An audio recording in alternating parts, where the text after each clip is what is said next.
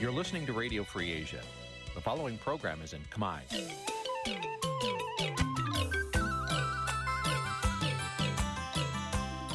Nǐ chi càm bi tiệp xáy vệt chiu a zì sê ray នេះជាកម្មវិធីផ្សាយរបស់ Vithu Azisari ជាភាសាខ្មែរ វត្តឈូអាស៊ីសេរីសូមស្វាគមន៍លោកអ្នកនាងទាំងអស់ពីរដ្ឋធានី Washington នៃសហរដ្ឋអាមេរិក ពីរដ្ឋធានីវ៉ាស៊ីនតោនខ្ញុំបាទសេកបណ្ឌិតសូមជម្រាបសួរអស់លោកអ្នកនាងកញ្ញាទាំងអស់ជាទីមេត្រី បាទយើងខ្ញុំសូមជូនកម្មវិធីផ្សាយសម្រាប់យប់ថ្ងៃសៅរ៍4រោចខែទុតិយាសាទឆ្នាំថោះបញ្ញស័កពុទ្ធសករាជ2567ត្រូវនៅថ្ងៃទី5ខែសីហាគ្រិស្តសករាជ2023បាទជាដំបូងនេះសូមអញ្ជើញអស់លោកអ្នកនាងស្ដាប់ព័ត៌មានប្រចាំថ្ងៃដែលមានមេតិការដូចតទៅ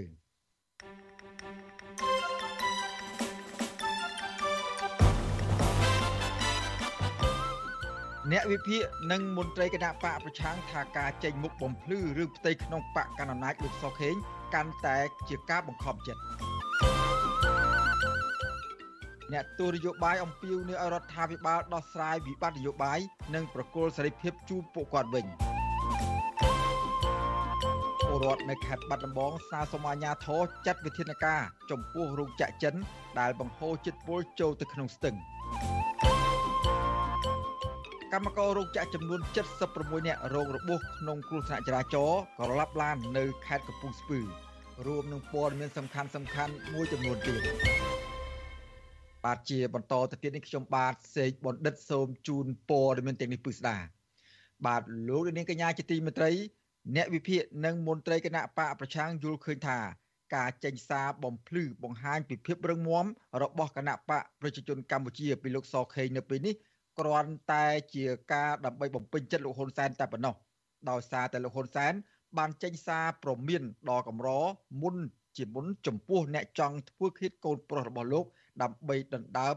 តំណែងជានាយករដ្ឋមន្ត្រី បាទលោកនាងបានស្ដាប់សេចក្តីរាយការណ៍ពិស្ដារអំពីរឿងនេះនាពេលបន្តិចទៀត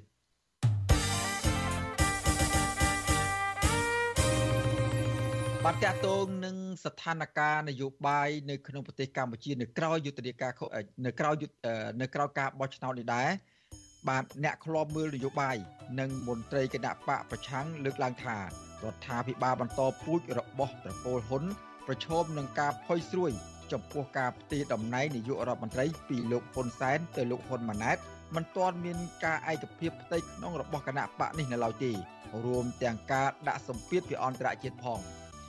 បាទទោះយ៉ាងណា អ្នកនាំពាក្យគណៈបកអះអាងថាគណៈបកនេះនៅតែមានផ្ទៃក្នុងរឹងមាំហើយគ្មានមេដឹកនាំនៅក្នុងគណៈបកនេះជំទាស់ការផ្ទេរតំណែងនាយករដ្ឋមន្ត្រីនោះទេបាទលោកនាងក៏នឹងបានស្ដាប់សេចក្តីរាយការណ៍ពិស្ដារអំពីរឿងនេះនាពេលបន្តិចទៀតនេះដែរ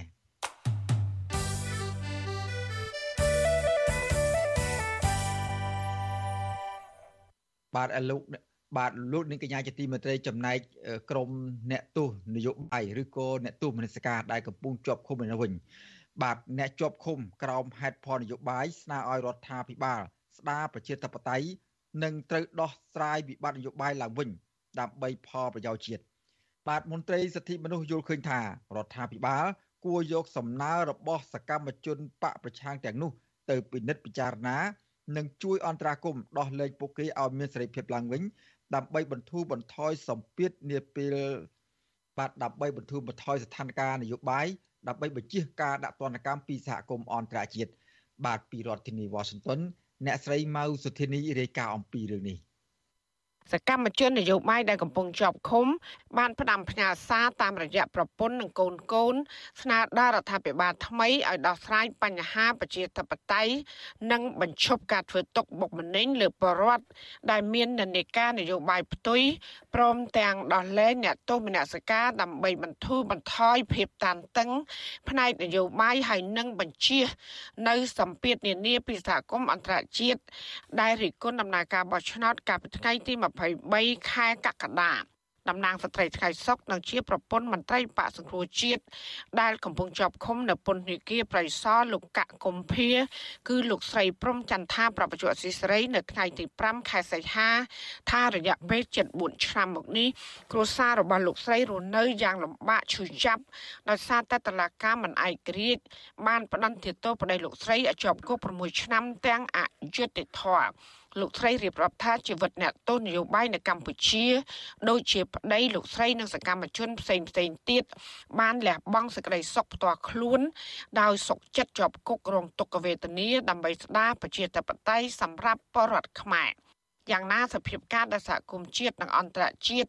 រិះគន់ការបោះឆ្នោតកាលពីថ្ងៃទី23ខែកក្កដាជាបន្តបន្ទាប់មកនេះលោកស្រីឲ្យដឹងថាប្តីលោកស្រី បានបញ្ជាក់ថាពួកគាត់ដែលជាអ្នកទោសមនសិការចង់ឃើញរដ្ឋាភិបាលថ្មី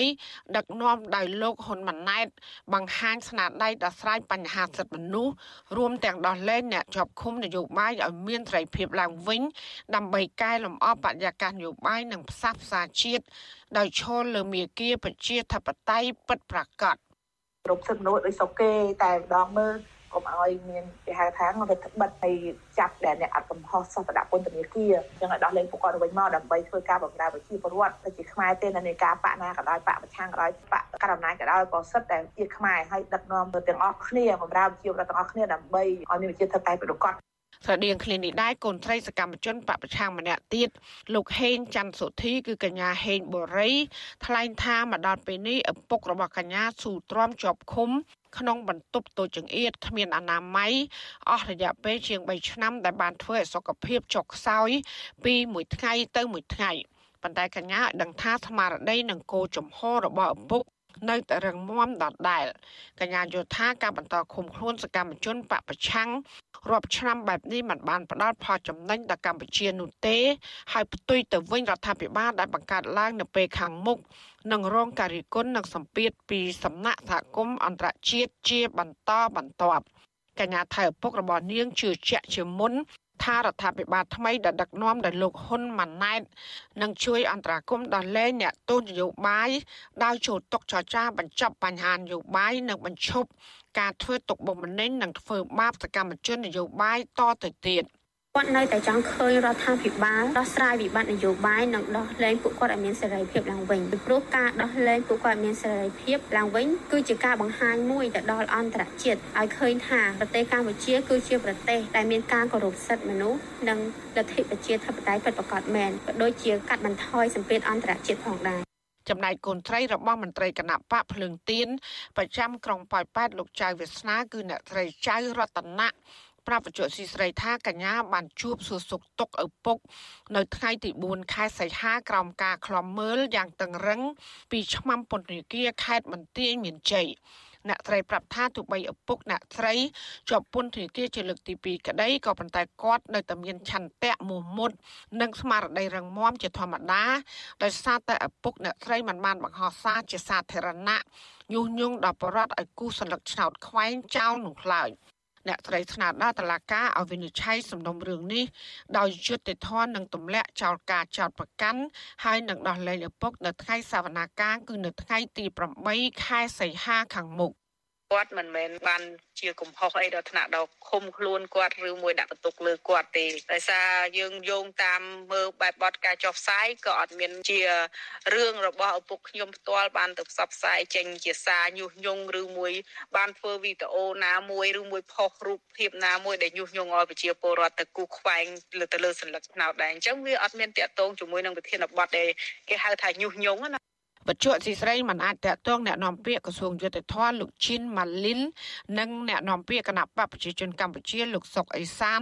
ដើម្បីសាកសួរជាមួយរឿងនេះបានទេនៅថ្ងៃទី5ខែសីហា ទោះយ៉ាងណាក្រោយពេលរបបក្រុងភ្នំពេញ បានរៀបចំការបោះឆ្នោតដែលគ្មានគណៈបកប្រឆាំងចូលរួមជាលើកទី2កាលពីថ្ងៃទី23ខែកក្កដាមកនេះស្របតាមផែនការផ្ទេរអំណាចតពូជទៅឲ្យកូនប្រុសលោកហ៊ុនសែនគឺលោកហ៊ុនម៉ាណែតនោះ សហគមន៍អន្តរជាតិនាំមុខដោយសហរដ្ឋអាមេរិកបានដាក់ទណ្ឌកម្មជាបណ្ដាបណ្ដាលើរដ្ឋាភិបាលលោកហ៊ុនសែន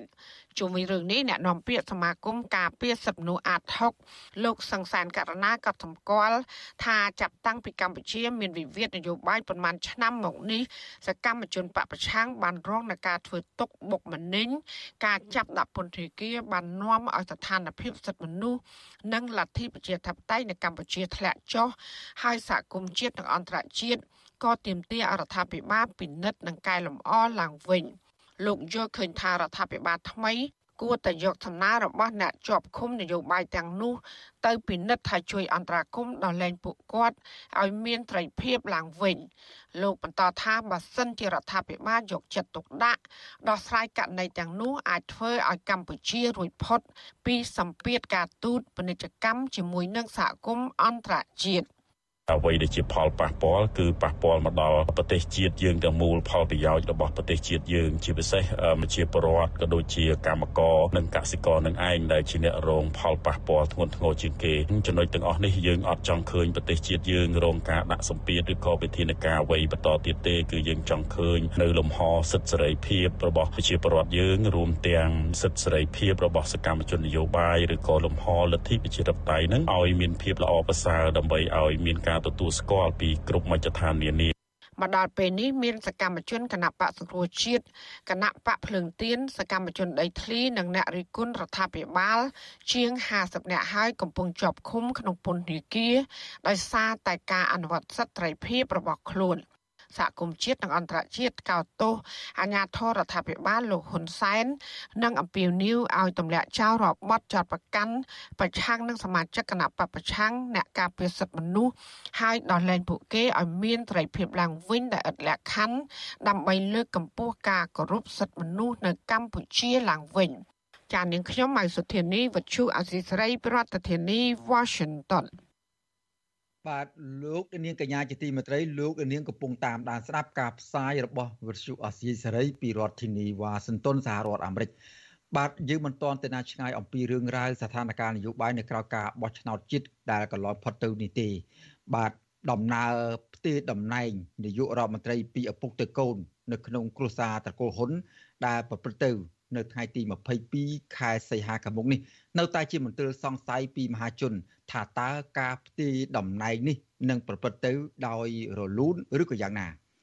បាទអ្នកវិភាគនិងមន្ត្រីគណៈបកប្រឆាំងយល់ឃើញថាការចេញសារបំភ្លឺបង្ហាញពីភាពរឹងមាំរបស់គណៈបកប្រជាជនកម្ពុជាពីលោកសខេងនៅពេលនេះថាគ្រាន់តែជា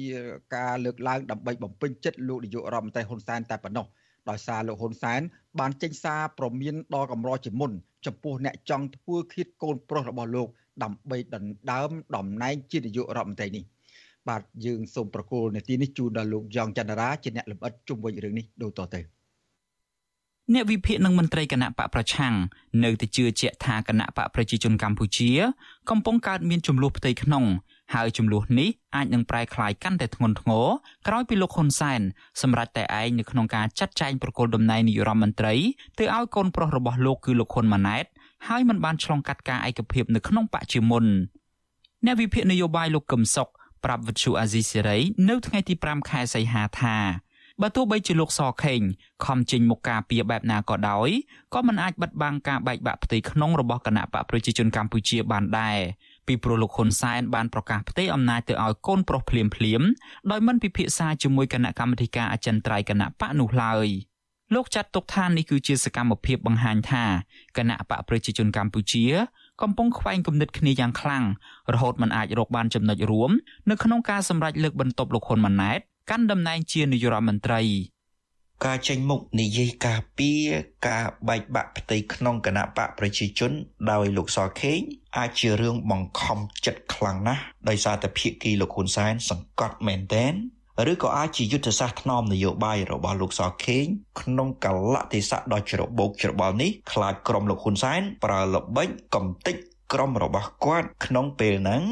ឬក៏អាចដោយសារតែ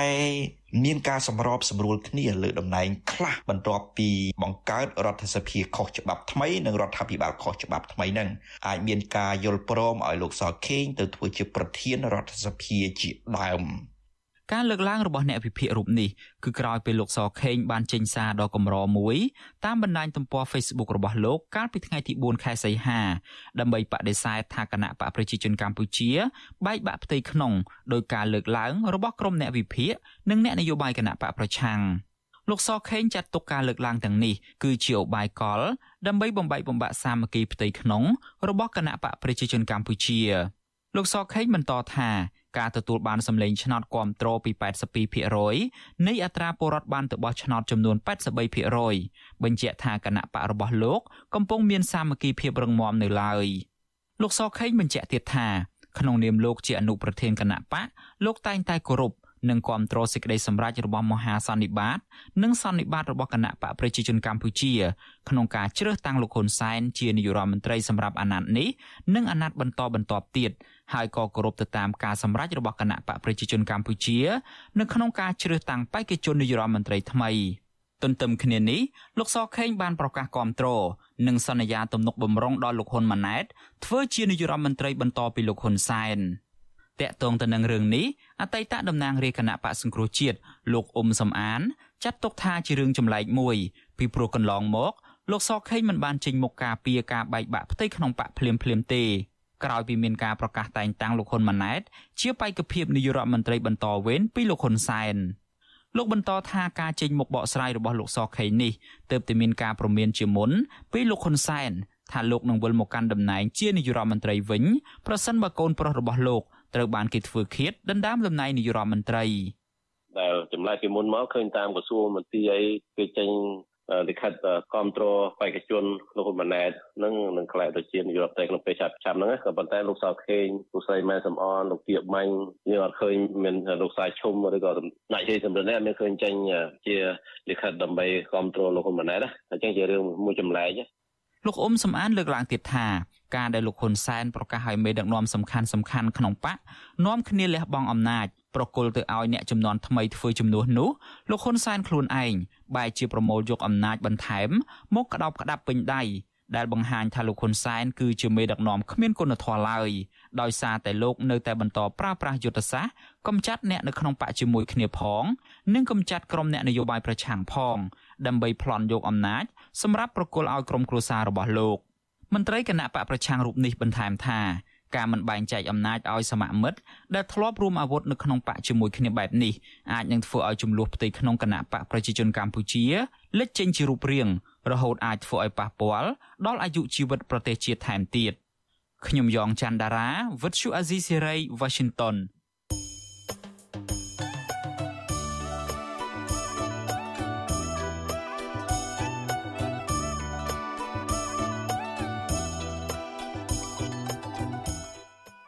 បាទលោកនាងកញ្ញាជាទីមេត្រីលោកនាងកំពុងតាមដានស្ដាប់ការផ្សាយរបស់វិទ្យុអស៊ីសេរីពីរដ្ឋធានីវ៉ាស៊ីនតោនសហរដ្ឋអាមេរិកបាទចំពោះលោកនាងដែលកំពុងតាមដានស្ដាប់ការផ្សាយរបស់យើងខ្ញុំតាមរលកធាតុអាកាសខ្លីឬ Shortwave សូមលោកនាងកង្វល់ទៅប៉ុស្តិ៍ដែលចាតាមប្រព័ន្ធ Shortwave តាមរលកធាតុអាកាសដូចតទៅនេះ បាទនៅពេលព្រឹកចាប់ពីម៉ោង5កន្លះដល់ម៉ោង6កន្លះតាមរយៈប៉ុស SW 12.14 MHz ស្មើនឹងកម្ពស់ 25m និងប៉ុស SW 13.71 MHz ស្មើនឹងកម្ពស់ 22m បាទចំពោះនៅពេលយប់ចាប់ពីម៉ោង7កន្លះដល់ម៉ោង8កន្លះតាមរយៈប៉ុស SW 9.33 MHz ស្មើនឹងកម្ពស់ 32m ប៉ុស AW 11.88 MHz ស្មើនឹងកម្ពស់ 25m និងប៉ុស AW 12.15 MHz ស្មើនឹងកម្ពស់ 25m បាទសូមអរគុណ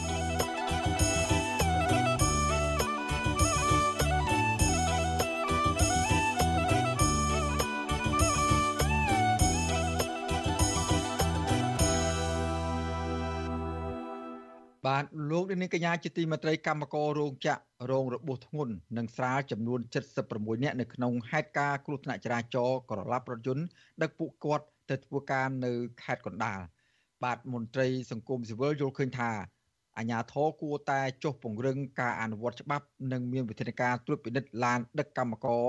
ឡើងវិញដើម្បីទប់ស្កាត់គ្រោះថ្នាក់ចរាចរណ៍ចំពោះពួកគាត់បាទសូមស្ដាប់សេចក្តីរាយការណ៍របស់លោកជាតិចំណានអំពីរឿងនេះពីរដ្ឋធានីវ៉ាស៊ីនតោន ប្រជាសហគមន៍រស់នៅឃុំចុងផ្លាស់ស្រុកកម្មកររោងចក្រភ ieck ច្រើនជាស្ត្រីចំនួន76នាក់និងមានស្ត្រីពោះធំ2នាក់រងរបួសធ្ងន់និងស្រាលត្រូវបានបញ្ជូនទៅសង្គ្រោះបន្ទាន់នៅមន្ទីរពេទ្យដោយសារតែឡានអ្នកដឹកពួកគាត់ទៅធ្វើការបានក្រឡាប់ធ្លាក់ចេញពីផ្លូវនៅព្រឹកថ្ងៃទី5ខែសីហានៅក្នុងស្រុកសំរោងតងខេត្តកំពង់ស្ពឺខណៈពួកគាត់កំពុងធ្វើដំណើរលើឡានកូរ៉េម៉ាហ៊ីយ៉ាន់ដៃពណ៌សគ្មានស្លាកលេខចំណុះ2តោនកន្លះទៅធ្វើការរោងចក្រមួយកន្លែងនៅខេត្តកណ្ដាល ពលរដ្ឋរស់នៅស្រុកសំណងតងដែលឃើញហេតុការណ៍ផ្ទាល់ភ្នែកលោកសុកគ្រាប្រវិសុវស៊ីស្រីនៅថ្ងៃទី5ខែសីហាថាមូលហេតុដែលបណ្ដាលឲ្យមានគ្រោះថ្នាក់ក្រឡាប់រថយន្តដឹកកម្មករនេះគឺដោយសារតែផ្លូវកោងហើយអ្នកបើកបររថយន្តបើកលបឿនលឿន នៅចំណុចហ្នឹងបើអារម្មណ៍របស់ខ្ញុំផ្ទាល់ខ្ញុំនិយាយតាមត្រង់ពេលដែលឃើញហើយខ្ញុំអាណិតចំពោះអ្នកជិះតាំងគេតាំងយើងដើម្បីជីវភាពអញ្ចឹងហើយដល់ទៅពេលយើងជាច្រើនអ្នកអញ្ចឹងផ្ញើជីវិតឬតកងឡានម្នាក់សវត្ថភាពបើសិនជាសវត្ថភាពល្អក៏ល្អសវត្ថភាពល្អវារងគ្រោះអញ្ចឹងណាយើងមានចូលរួមសោកស្ដាយអញ្ចឹងទៅឆ្លើយតបបញ្ហានេះអភិបាលខេត្តកំពង់ស្ពឺលោកវីសំណាងថ្លែងនៅក្នុងហេតុការណ៍នេះថាមានអ្នករបួសធ្ងន់10នាក់ស្រាល50នាក់ និងស្ត្រីពោះធំ2នាក់បានបញ្ជូនទៅមន្ទីរពេទ្យរាជធានីភ្នំពេញដើម្បីតាមដានបន្តលោកបន្តថាបញ្ហានេះដោយសារតែអ្នកបើកបរមិនគោរពច្បាប់ចរាចរណ៍ប៉ុន្តែអ្នករងរបួសទាំងនោះនៅមិនចំណាយថវិកាផ្ទាល់ខ្លួននោះទេព្រោះពួកគាត់មានបានបោសសដែលគាំពៀសុខភាព មួយឆ្នាំអាចមានម្ដងអីដែរវាមិនញឹកញាប់អីទេប៉ុន្តែដោយសារបើកាលពីមុនវាមានច្រើនមែនប៉ុន្តែបច្ចុប្បន្ននេះដោយសារតែជីវភាពរបស់ពួកគាត់ប្រសើរឡើងអញ្ចឹងគាត់ប្រើប្រាស់មធ្យោបាយឯកជនរបស់គាត់គាត់មានម៉ូតូរៀងរៀងខ្លួនអញ្ចឹងណាប៉ុន្តែអ្នកដែលមួយចំនួនទៀតក៏គាត់នៅតែប្រើឡានរួមនឹងហើយឡានរួមហ្នឹងគឺគាត់ជិះទៅធ្វើការនៅស្រុកអង្គស្នួលនោះខេត្តកដាលនោះគាត់មិននៅកំពង់ស្ពឺទេករណីគ្រោះថ្នាក់ចរាចរណ៍លើរថយន្តដឹកកម្មករនេះតែងតែកើតឡើងជាញឹកញាប់ដោយមួយលើកមួយលើក តែងតែបង្កឲ្យមានអ្នកស្លាប់និងរបួសជាច្រើនអ្នកមាត្រា85នៃច្បាប់ចរាចរណ៍ថ្មីចែងថាអ្នកបើកបរដែលបង្កឲ្យមានអ្នកស្លាប់ក្នុងគ្រោះថ្នាក់ចរាចរណ៍នឹងត្រូវផ្តន្ទាទោសដាក់ពន្ធនាគារ1ឆ្នាំទៅ3ឆ្នាំនិងពិន័យពី4លានទៅ15លានរៀលទោសនេះនឹងត្រូវផ្តន្ទាទោសពី2ឆ្នាំទៅ5ឆ្នាំពិន័យ10លានរៀលដល់25លានរៀលប្រសិនបើបណ្ដាលឲ្យមានអ្នកស្លាប់ច្រើនអ្នកឬករណីផ្សេងផ្សេងមួយចំនួនទៀតទោះជាយ៉ាងណាកាលពីឆ្នាំ2022កន្លងទៅក៏មានហេតុការណ៍ក្រឡាប់រីរនដូចគ្នាដែរ ក្នុងនោះកម្មកររោងចក្រចំនួន27នាក់រងរបួសធ្ងន់និងស្រាលប៉ុន្តែអភិបាលខេត្តនេះអះអាងថាបញ្ហានេះពុំសូវកើតឡើងច្រើនករណីនោះទេជុំវិញរឿងនេះប្រធានសហភាពការងារកម្ពុជាលោកអាតធុនមានប្រសាសន៍ថាបញ្ហានេះអាជ្ញាធរពាក់ព័ន្ធគួរតែត្រួតពិនិត្យមើលអំពីកត្តាផ្លូវថ្នល់រថយន្តដឹកកម្មករគ្មានស្តង់ដារលើសចំនួនកំណត់និងអ្នកបើកបរគ្មានបានបើកបរដែលបង្កឲ្យមានគ្រោះថ្នាក់លោកបន្តថារដ្ឋាភិបាល គួរតែមានរថយន្តសមរម្យសម្រាប់ដឹកកម្មករដើម្បីធានាសុវត្ថិភាពពួកគាត់ជាជាងបញ្ហារុញដាក់គ្នា ទៅតែទទូចទៅដល់ក្រុមហ៊ុននិងរដ្ឋាភិបាលគួរតែត្រូវបានរៀបចំឡានក្រុងសម្រាប់ដឹកកម្មករឲ្យទៅតាមបច្ចេកទេសហើយក្នុងករណីផ្លូវតូចយើងអាចដឹកឡានតូរីសផ្សេងទៀតងារទៅទៀតគួរតែរឹតបន្តឹងទៅលើតកង់ឡាននិងការកែច្នៃឡានលម្អអីខុសបច្ចេកទេសហ្នឹងឲ្យស្តង់ដារហើយមួយទៀតគឺត្រូវពិនិត្យមើលពួកអ្នកបើកបរតែម្ដងបើរកឃើញគាត់មានគ្រឿងញៀនគាត់មានស្វឹងស្រាឬគាត់បើកមិនអនុវត្តតាមច្បាប់ត្រូវតែអនុវត្តតាមច្បាប់ឲ្យបានត្រឹមត្រូវ របាយការណ៍របស់ក្រុមការងារសុខភាពចរាចរណ៍ផ្លូវគោកសម្រាប់គាំពៀកម្មករនយោជិតឆ្នាំ2022ថាមានករណីគ្រោះថ្នាក់ចរាចរណ៍ផ្លូវគោកបានកើតឡើងលើកម្មករនយោជិតសរុបចំនួនជាង5000នាក់ករណីដែលមានជនរងគ្រោះសរុបជាង6000នាក់ស្លាប់ចំនួនជាង100នាក់របួសធ្ងន់ជាង1000នាក់និងរបួសស្រាលជាង4000នាក់ក្នុងនោះគ្រោះថ្នាក់លើរថយន្តដឹកកម្មករនយោជិតមានចំនួន13លើកមន្ត្រីសង្គមស៊ីវិលអំពាវនាវឲ្យអាជ្ញាធរមានសមត្ថកិច្ចត្រូវរឹតបន្តឹងការអនុវត្តច្បាប់ សហការជាមួយនឹងតកែរោងចក្រដើម្បីទប់ស្កាត់គ្រោះថ្នាក់ចរាចរណ៍និងធានាដល់អាយុជីវិតរបស់ក្រុមកម្មករទាំងនោះខ្ញុំបាទជាចំណាន Visual Society ប្រធានាទី Washington កម្មវិធី Visual Society សម្រាប់ទូរស័ព្ទដៃអាចឲ្យលោកអ្នកនាង អានអត្ថបទទស្សនាវីដេអូនិងស្ដាប់ការផ្សាយផ្ទាល់ដោយឥតគិតថ្លៃនិងដោយគ្មានការរំខាន។ ដើម្បីអាននិងទស្សនាមេតិការថ្មីថ្មីពី Vithu Azisari លោកអ្នកនាងគ្រាន់តែចុចបាល់កម្មវិធីរបស់ Vithu Azisari ដែលបានដំឡើងរួចរាល់លើទូរស័ព្ទដៃរបស់លោកអ្នកនាងប្រសិនបើលោកអ្នកនាងចង់ស្ដាប់ការផ្សាយផ្ទាល់ឬការផ្សាយចាស់ចាស់សូមចុចលើប៊ូតុងរូប Vithu ដែលស្ថិតនៅផ្នែកខាងក្រោមនៃកម្មវិធីជាការស្រេច។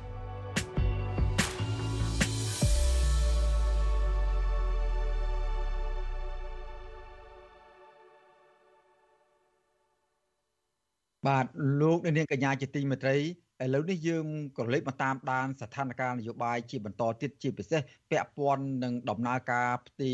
តំណែងពីនាយករដ្ឋមន្ត្រីលោកហ៊ុនសែនទៅឲ្យកូនគឺលោកហ៊ុនម៉ាណែតដែលនឹងប្រព្រឹត្តទៅនៅថ្ងៃទី22ខែសីហាខាងមុខនេះវិញបាទអ្នកខ្លំមើលនយោបាយនិងមន្ត្រីគណៈបកប្រឆាំងលើកឡើងថារដ្ឋាភិបាលបន្តពូជរបស់ត្រកូលហ៊ុនប្រឈមនឹងការផុយស្រួយ ព្រោះតែការផ្ទេរតំណែងនាយករដ្ឋមន្ត្រីពីលោកហ៊ុនសែនទៅឲ្យលោកហ៊ុនម៉ាណែតមិនទាន់មានការឯកភាពផ្ទៃក្នុងបកនេះនៅឡើយទេរួមទាំងការដាក់សម្ពាធពីអន្តរជាតិផង តែទោះយ៉ាងណាអ្នកនាំពាក្យគណៈបកកាន់អំណាចហាងថាគណៈបកនេះនៅតែមានផ្ទៃក្នុងរឹងមាំហើយគ្មានមេដឹកនាំក្នុងគណៈបកនេះជំទាស់ការផ្ទេរតំណែងនាយករដ្ឋមន្ត្រីនោះទេបាទសូមស្ដាប់សេចក្តីរាយការណ៍របស់លោកយ៉ងច័ន្ទរាមួយទៀតជុំវិញរឿងនេះពីរដ្ឋធានីវ៉ាស៊ីនតោន អ្នកខ្លំមើលស្ថានភាពនយោបាយនិងមន្ត្រីគណៈបកប្រឆាំងក៏សម្គាល់ឃើញថាបញ្ហាធំធំ3រួមមានវិបត្តិសេដ្ឋកិច្ចចំនួនផ្ទៃក្នុងគណៈបកកណ្ដាលអំណាចនិងសម្ពាធពីអន្តរជាតិនឹងធ្វើឲ្យការផ្ទេរតំណែងនាយរដ្ឋមន្ត្រីពីលោកហ៊ុនសែនទៅលោកហ៊ុនម៉ាណែតជួបឧបសគ្គឬក៏រដ្ឋាភិបាលថ្មីប្រឈមនឹងភាពផុយស្រួយពួកគេលើកឡើងថា ពេលនេះចំនួនផ្ទៃក្នុងរបស់គណៈបកប្រជាជនកម្ពុជាប្រសិនបើលោកហ៊ុនសែនមិនដោះស្រាយឲ្យបានទាន់ពេលវេលាទេនោះនឹងអាចផ្ទុះឡើងជាសាធារណៈ ហើយបញ្ហានេះបណ្ដាលមកពីមន្ត្រីចាស់ចាស់មានអធិបុលមួយចំនួនមិនគាំទ្របេក្ខភាពនាយករដ្ឋមន្ត្រីរបស់លោកហ៊ុនម៉ាណែតនិងមិនពេញចិត្តការរៀបចំរបស់លោកហ៊ុនសែនដែលរុញពួកគេទាំងនោះឲ្យទៅបញ្ឈរជើងនៅឧត្តមក្រុមប្រឹក្សាព្រះមហាក្សត្រក៏ប៉ុន្តែលោកហ៊ុនសែនខ្លួនឯងបែរជាច្បាមយកអំណាចគ្រប់គ្រងពេញដៃទាំងនៅក្នុងជួរគណៈបកនិងនៅក្នុងស្ថាប័នកម្ពុជាកម្ពុជារបស់ជាតិ អ្នកវិភាគនយោបាយលោកកឹមសុខយល់ថានៅក្នុងស្ថានភាពអន្តរកាលដែលលោកហ៊ុនសែនជាប្រមុខរដ្ឋាភិបាលចាំផ្ទះប្រកាសផ្ទេរអំណាចរបស់លោកទៅឲ្យកូនប្រុសរបស់លោកបែបនេះគឺជាស្ថានភាពផុយស្រួយ។ លោកបន្តថាគណៈបកប្រជាជនកម្ពុជា កំពុងមានបញ្ហាផ្ទៃក្នុង ពីព្រោះលោកហ៊ុនសែន បានចេញមុខចាត់ចែងផ្ទេរតួនាទីមេដឹកនាំជាន់ខ្ពស់ស្ថាប័នជាតិរួមមានប្រធានរដ្ឋសភា ប្រធានព្រឹទ្ធសភាតាមតែចិត្តចង់របស់លោកទាំងនោះមិនបានឃើញមន្ត្រីកម្ពុជាកម្ពុជាមួយចំនួនចេញមុខយល់ព្រមនៅឡើយទេលោកកឹមសុខសង្កេតឃើញទៀតថា មកដល់ពេលនេះទើបតែមានរដ្ឋមន្ត្រីក្រសួងមហាផ្ទៃលោកសខេងម្នាក់ប៉ុណ្ណោះដែលប្រកាសគាំទ្រលោកហ៊ុនម៉ាណែតធ្វើជានាយករដ្ឋមន្ត្រី បន្តពីលោកហ៊ុនសែន ចំណែកឯប្រធានរដ្ឋសភាលោកហេងសំរិនប្រធានព្រឹទ្ធសភាលោកសាយឈុំរដ្ឋមន្ត្រីក្រសួងការពារជាតិលោកទាបាញ់និងរដ្ឋមន្ត្រីក្រសួងទំនាក់ទំនងរដ្ឋសភាព្រឹទ្ធសភានិងអធិការកិច្ចអ្នកស្រីម៉ែនសំអនជាដើមនៅតែរក្សាភាពស្ងៀមស្ងាត់មិនទាន់ចេញសារគាំទ្រការផ្ទេរអំណាចរបស់លោកហ៊ុនសែននេះទៅឲ្យលោកហ៊ុនម៉ាណែតនៅឡើយទេលោកយល់ថាការរក្សាភាពស្ងៀមស្ងាត់គឺស្មើនឹងការមិនគ្រប់គ្រងបេក្ខភាពរបស់លោកហ៊ុនម៉ាណែត ក្នុងដំណាក់កាលអន្តរកាលនេះខ្ញុំមើលឃើញថាអ្វីដែលក្រមគ្រួសារហ៊ុនយកជាបង្អែកដែលកម្លាំងប្រដាប់អាវុធហើយនឹងបង្អែកពីរដ្ឋាភិបាលចិនតែប៉ុណ្ណោះប្រសិនបើបង្អែកនេះមើលទៅរៀបចំមិនស្រួលហើយចិនមើលទៅក៏ពិបាកនៅជួយជ្រោមជ្រែងបន្តយូរអង្វែងផែនការអំណាចរបស់ក្រមគ្រួសារហ៊ុនក៏មានឧបសគ្គពិបាករក្សាគង់ដែរ ស្រដៀងគ្នានេះដែរមន្ត្រីជាន់ខ្ពស់គណៈបកសង្គ្រោះជាតិដែលកំពុងភៀសខ្លួននៅប្រទេសម៉ាឡេស៊ីលោកមនផល្លាលើកឡើងថាបើទោះបីជាមន្ត្រីចាស់ចាស់របស់គណៈបកកណ្ដាលអំណាចមិនពេញចិត្តជាចំហក្តីប្រសិនបើលោកហ៊ុនសែនមិនកែប្រែស្ថានភាពទេចំនួនផ្ទៃក្នុងរបស់គណៈបកកណ្ដាលអំណាចនឹងផ្ទុះឡើង ហើយឈានទៅរកការបែកបាក់ លោកយល់ថាមូលហេតុដែលលោកហ៊ុនសែនចាត់ចែងមិនអោយក្រុមមេដឹកនាំចាស់ចាស់របស់គណៈបកប្រជាជនកម្ពុជា មានតួនាទីដឹកនាំស្ថាប័នរបស់ជាតិរួមមានជាប្រធានឬអនុប្រធានព្រឹទ្ធសភានិងរដ្ឋសភាជាដើមនោះពីព្រោះលោកហ៊ុនសែនចង់បន្សាបឥទ្ធិពលរបស់អ្នកទាំងនោះ។ លោកបន្តថាបើទោះបីជាកូនកូនរបស់មន្ត្រីទាំងនោះខ្លះមានឈ្មោះនៅក្នុងគណៈរដ្ឋមន្ត្រីថ្មីដែលអាចទទួលតំណែងរដ្ឋមន្ត្រីជំនួសឪពុករបស់ពួកគេក្តីប្រសិនបើក្រុមមេដឹកនាំគណៈបកប្រជាជនកម្ពុជាមួយចំនួនលែងមានអធិបុលទៅតាមការរៀបចំរបស់លោកហ៊ុនសែនកូនកូនរបស់អ្នកទាំងនោះនឹងត្រូវលោកហ៊ុនសែនឬមួយក៏លោកហ៊ុនម៉ាណែតដកចេញពីតំណែងនៅពេលណាក៏បានសហគមន៍អន្តរជាតិមិនគ្រប់គ្រង ចំពោះការបោះឆ្នោតរបៀបคล้ายៗដែលលោកហ៊ុនសែនបានរៀបចំនេះហើយទី2គឺមន្ត្រីនៅក្នុងជួរគណៈបព្វជិជនមិនសប្បាយចិត្តហើយដូច្នេះហើយទាំងនយោបាយទាំងសេដ្ឋកិច្ចនាំឲ្យសង្គមកម្ពុជាទាំងមូលគឺប្រឈមទៅនឹងការគំនាបផ្សេងផ្សេងទាំងក្នុងនិងក្រៅប្រទេសហេតុដូច្នេះហើយខ្ញុំយល់ថានឹងមានវិបត្តិនៅពេលខាងមុខដ៏ខ្លីគ្នាបាទ ក្រោយពេលរបបដឹកនាំរបស់លោកហ៊ុនសែនរៀបចំការបោះឆ្នោតដែលគ្មានគណៈបកប្រឆាំងចូលរួមជាលើកទី2កាលពីថ្ងៃទី23ខែកក្កដាសហគមន៍អន្តរជាតិនាំមុខដោយសហរដ្ឋអាមេរិកបានដាក់ទណ្ឌកម្មជាបណ្ដាបណ្ដាហើយទៅលើរដ្ឋាភិបាលលោកហ៊ុនសែនតកតងទៅនឹងរឿងនេះដែរ អ្នកសិក្សាផ្នែកច្បាប់លោកវ៉ាន់ចាន់ឡូតយល់ឃើញថាប្រសិនបើលោកហ៊ុនម៉ាណែតអាចដឹកនាំរដ្ឋាភិបាលថ្មីទៅតាមការរៀបចំរបស់ឪពុកលោកមេដឹកនាំចំនួនថ្មីរូបនេះត្រូវប្រឈមមុខនឹងបញ្ហាធំធំមួយចំនួន រួមមាន បង្កើតឬមួយក៏បង្កើនទំនុកចិត្តពីសំណាក់ផ្ទៃក្នុងនិងប្រជាពលរដ្ឋការទប់ស្កាត់ឬធ្វើឲ្យទុនខ្សោយនៃវត្តមានគណៈបកប្រឆាំង លោកបន្តថាក្រៅពីបញ្ហានយោបាយនៅក្នុងស្រុកហើយរដ្ឋាភិបាលថ្មីដែលដឹកនាំដោយលោកហ៊ុនម៉ាណែតត្រូវដោះស្រាយបញ្ហានយោបាយក្រៅប្រទេសផ្សេងទៀតដូចជាការប្រឈមការដាក់សម្ពាធពីប្រទេសលោកសេរីដែលមិនទទួលស្គាល់ការបោះឆ្នោតកាលពីថ្ងៃទី23កក្កដាជំហរនយោបាយកម្ពុជារវាងមហាយៈចិន និងប្រទេសវៀតណាមហើយនឹងបញ្ហាវត្តមានមូលដ្ឋានយោធាចិន នៅកំពង់ផែសមុទ្ររៀមខេត្តព្រះសីហនុជាដើម។ គិតត្រឹមថ្ងៃទី5ខែសីហាមានរយៈពេលជាង10ថ្ងៃហើយដែលលោកហ៊ុនសែនបានប្រកាសផ្ទេរតំណែងនាយករដ្ឋមន្ត្រីទៅឲ្យលោកហ៊ុនម៉ាណែតកាលពីថ្ងៃទី26កក្កដាការប្រកាសនេះធ្វើឡើងដោយលោកហ៊ុនសែនក្នុងនាមជាប្រធានគណៈបកប្រជាជនកម្ពុជាក៏ប៉ុន្តែធ្វើនៅឯផ្ទះរបស់លោកមិនមែនធ្វើនៅឯទីស្នាក់ការគណៈបកប្រជាជនកម្ពុជា ឬមួយក៏វិមាន7មករានោះឡើយ។ មនុស្សសំខាន់សំខាន់ដែលជាក្បាលម៉ាស៊ីននៃគណៈបកនេះដូចជាលោកហេងសំរិនប្រធានកិត្តិយសគណៈបកនិងអនុប្រធានរបស់គណៈបកនេះរួមមានលោកសាយឈុំលោកទាបាញ់និងអ្នកស្រីម៉ែនសំអនជាដើម នៅបន្តរក្សាភាពស្ងៀមស្ងាត់ចំពោះការប្រកាសរបស់លោកហ៊ុនសែននេះតកតងទៅនឹងបញ្ហានេះអ្នកនាំពាក្យគណៈបកប្រជាជនកម្ពុជាលោកសុកអេសានអះអាងថាការមិនចេញញត្តិគាំទ្ររបស់មេដឹកនាំជាន់ខ្ពស់គណៈបកនេះពីព្រោះអ្នកទាំងនោះ ស្ថិតនៅក្នុងសមាជិកថ្នាក់ដឹកនាំកម្ពុជានៃការសម្រេចចិត្តគាំទ្រឲ្យលោកហ៊ុនម៉ាណែតបន្តតំណែងនាយរដ្ឋមន្ត្រីពីលោកហ៊ុនសែនរួចទៅហើយដូច្នេះពួកគាត់មិនចាំបាច់ចេញញត្តិគាំទ្រទៀតនោះទេលោកសុកអេសាននៅតែបញ្ជាក់ដដែលដដែលថាផ្ទៃក្នុងគណៈបកប្រជាជនកម្ពុជា នៅតែរឹងមាំដដែល។ ចាំបាច់គ្រប់គ្រងប្រកបអ្នកសម្រាប់សម្ដេច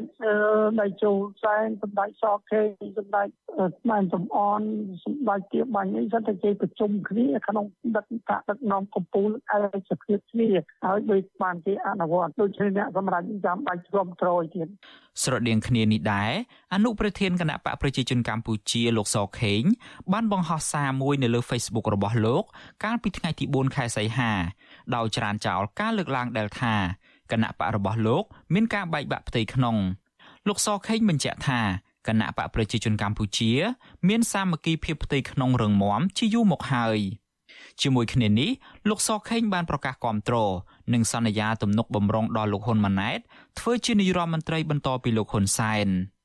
ក៏ប៉ុន្តែខុសពីលោកសខេងមេដឹកនាំសំខាន់សំខាន់មួយចំនួនទៀតនៃគណៈបកនេះដូចជាលោកហេងសំរិន លោកសាយឈុំលោកទាបាញ់និងអ្នកស្រីម៉ែនសំអនជាដើម នៅតែរក្សាជំហរស្ងៀមស្ងាត់ដដែលគិតមកដល់ពេលនេះនៅសល់រយៈពេលតែជាង2សប្តាហ៍ទៀតទេ គឺនៅថ្ងៃទី22ខែសីហាខាងមុខជាពេលវេលាដែលលោកហ៊ុនម៉ាណែតនឹងឡើងកាន់តំណែងនាយករដ្ឋមន្ត្រីជំនួសឪពុករបស់លោក។ ទន្ទឹមនឹងការរក្សាភាពស្ងៀមស្ងាត់របស់មេដឹកនាំសំខាន់សំខាន់មួយចំនួននៃគណៈបកកណ្ដាលអំណាចនេះលោកហ៊ុនសែនហាក់បង្ហាញសញ្ញាមិនទុកចិត្តគ្នានៅក្នុងផ្ទៃក្នុងគណៈបករបស់លោកដោយលោកហ៊ុនសែនបានចេញមុខព្រមានកាលពីថ្ងៃទី3ខែសីហាថាប្រសិនបើទាយាទរបស់លោកគឺលោកហ៊ុនម៉ាណែតជួបគ្រោះថ្នាក់ដល់អាយុជីវិតនោះលោកនឹងវិលមកដឹកនាំរដ្ឋាភិបាលឡើងវិញ អ្នកខ្លាំមើលស្ថានភាពនយោបាយយល់ថានៅពេលខាងមុខនេះលោកហ៊ុនសែនអាចនឹងកែប្រែការសម្រេចចិត្តរបស់ខ្លួនឡើងវិញដោយមិនអាចយកក្រុមមេដឹកនាំសំខាន់សំខាន់របស់គណៈបកទៅបញ្ឈរជើងជាសមាជិកឧត្តមក្រុមប្រឹក្សាព្រះមហាក្សត្រទាំងអស់នោះទេហើយលោកហ៊ុនសែនអាចនឹងផ្ដល់តួនាទីសំខាន់សំខាន់នៅក្នុងរដ្ឋសភាឬមួយក៏ព្រឹទ្ធសភាជូនទៅដល់អ្នកទាំងនោះឡើងវិញខ្ញុំយ៉ងច័ន្ទដារាវិទ្យុអាស៊ីសេរី Washington បាទលោកនាងកញ្ញាជាទីមេត្រីលោកនាងកំពុងតាមដានស្ដាប់ការផ្សាយរបស់វិទ្យុអស៊ីសេរីពីរដ្ឋធានីវ៉ាស៊ីនតោនសហរដ្ឋអាមេរិក បាទឥឡូវនេះយើងងាកចេញពីរឿងរ៉ាវនយោបាយជាពិសេសពាក់ព័ន្ធនឹងសំណុំរឿងការផ្ទេរតំណែងនាយករដ្ឋមន្ត្រីពីឪពុកទៅកូននៅក្នុងគ្រួសារត្រកូលហ៊ុនបន្តិចសិនហើយយើងងាកទៅមើលក្រុមហ៊ុនចិនដែលមានការចោទប្រកាន់ថាដែលកំពុងមានការចោទប្រកាន់ថា បានធ្វើអាជីវកម្មរ៉ែមាសដែលធ្វើឲ្យប៉ះពាល់ដល់បរិស្ថាននិងជីវភាពរបស់ប្រជាពលរដ្ឋនៅក្នុងតំបន់ភូមិភាគឦសាននោះបាទក្រោយពីបោះឆ្នោតមួយអាទិត្យរួចមកក្រុមហ៊ុនចិនរងឆេង បានចាប់ផ្ដើមអាជីវកម្មរ៉ែមាសសាជាថ្មី ដោយដើរកែតប្រជាពលរដ្ឋរស់នៅក្នុងតំបន់ឲ្យទៅធ្វើកម្មករគណៈអាជ្ញាធរមូលដ្ឋានមិនទាន់ឃើញមានវិធានការទប់ស្កាត់នោះទេបាទសហគមន៍សង្ស័យថាអាជ្ញាធរចូលរួមជាមួយក្រុមហ៊ុនចិននេះទើបមិនមានការទប់ស្កាត់បាទសូមស្ដាប់សេចក្តីរាយការណ៍របស់លោកជាតិចំណាន អំពីរឿងនេះពីរដ្ឋធានីវ៉ាស៊ីនតោនប្រជាសហគមន៍រស់នៅឃុំចុងផ្លាស់ស្រុកកែវសីមាខេត្តមណ្ឌលគិរីអះអាងថា បន្ទាប់ពីបោះឆ្នោតរួចមេការក្រុមហ៊ុនចិនបានដើរកែនប្រជាពលរដ្ឋនៅក្នុងឃុំឲ្យទៅធ្វើជាកម្មករស៊ីឈ្នួលជីកយករ៉ែមាសតំណាងសហគមន៍ជនជាតិដើមភាគតិចភ្នងដែលរស់នៅឃុំចុងផ្លាស់លោកសាំងសារីប្រាប់វិសុអស៊ីសេរីឲ្យដឹងនៅថ្ងៃទី5ខែសីហាថារយៈពេល3ថ្ងៃហើយដែលមេការក្រុមហ៊ុនចៃជាជនជាតិខ្មែរបានដើរកែនប្រជាពលរដ្ឋរស់នៅឃុំមេមងនិងឃុំចុងផ្លាស់ឲ្យចូលទៅធ្វើការជាកម្មករជីករ៉ែមាសនៅក្នុងក្រុមហ៊ុនចិនលោកបន្ថែមថាវាជារឿងដ៏អយុត្តិធម៌ណាស់ដែលអាជ្ញាធរ បានចុះហាមឃាត់ប្រជាពលរដ្ឋមិនឲ្យធ្វើអាជីវកម្មរ៉ែមាសជាលក្ខណៈគ្រួសារ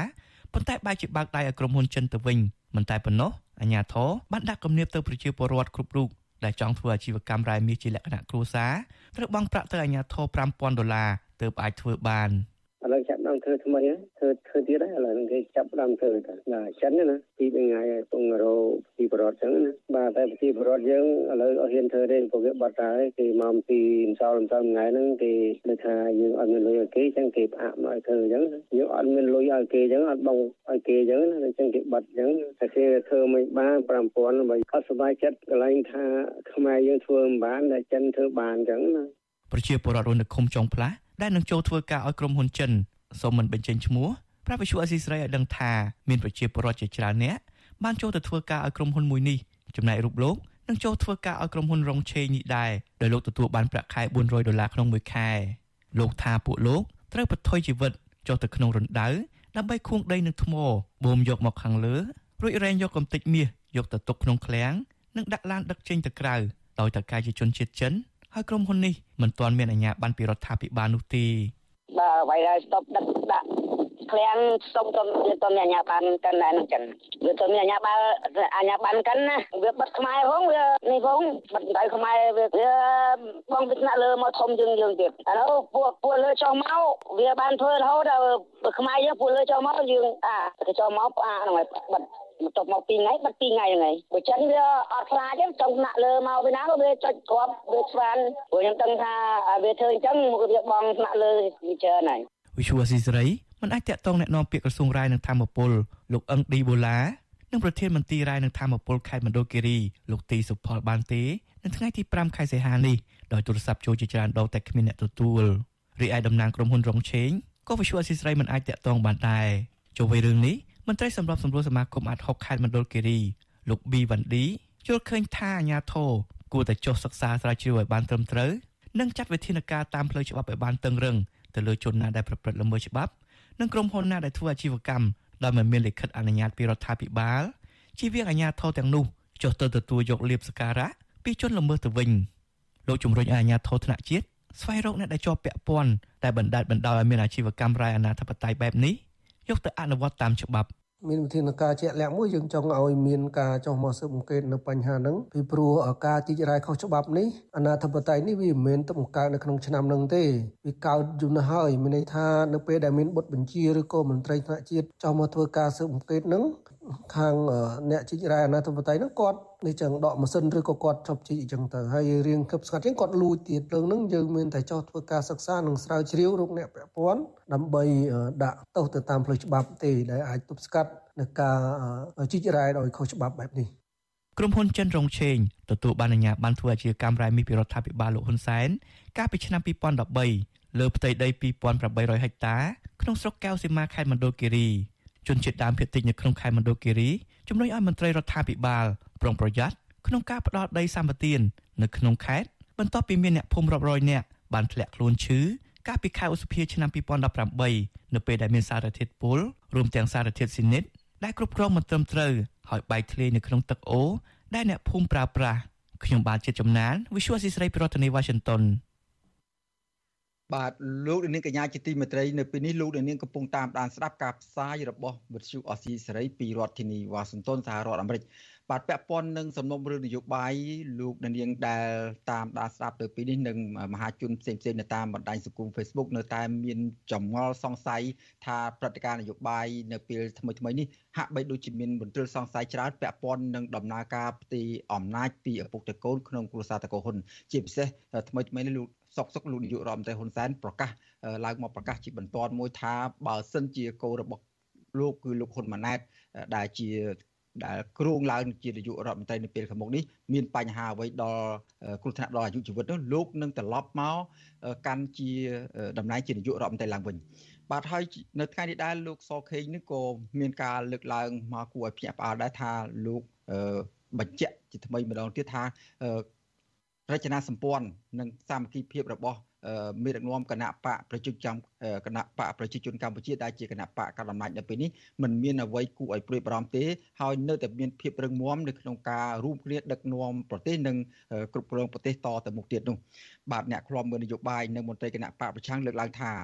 ដ្ឋាភិបាលបន្តពូជរបស់តកោហ៊ុនប្រឈមនឹងការផុយស្រួយ ព្រោះតែការផ្ទេរតំណែងនាយករដ្ឋមន្ត្រីពីលោកហ៊ុនសែនទៅលោកហ៊ុនម៉ាណែតនោះមិនទាន់មានការឯកភាពផ្ទៃក្នុងបកនេះនៅឡើយទេរួមទាំងការដាក់សម្ពាធពីអន្តរជាតិថែមផងនោះ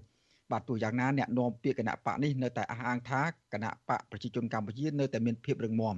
បាទសូមលោករនាងរងចាំស្ដាប់សេចក្តីរាយការណ៍អំពីរឿងនេះនាពេលបន្តិចទៀត។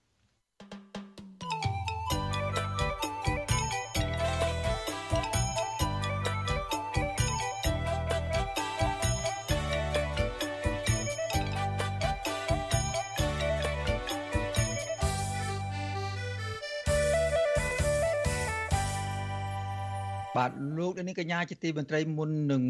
ស្ដាប់សេចក្តីរាយការណ៍ពាក់ព័ន្ធនឹងស្ថានភាពនយោបាយនោះសូមលោកនាងទៅតាមដានមើលសេចក្តីរាយការណ៍មួយដែលពាក់ព័ន្ធនឹងបញ្ហាបរិស្ថានជាពិសេសពាក់ព័ន្ធទៅដល់ការបំពុលទឹកនៅក្នុងដងស្ទឹងសង្កែនៅខេត្តបាត់ដំបង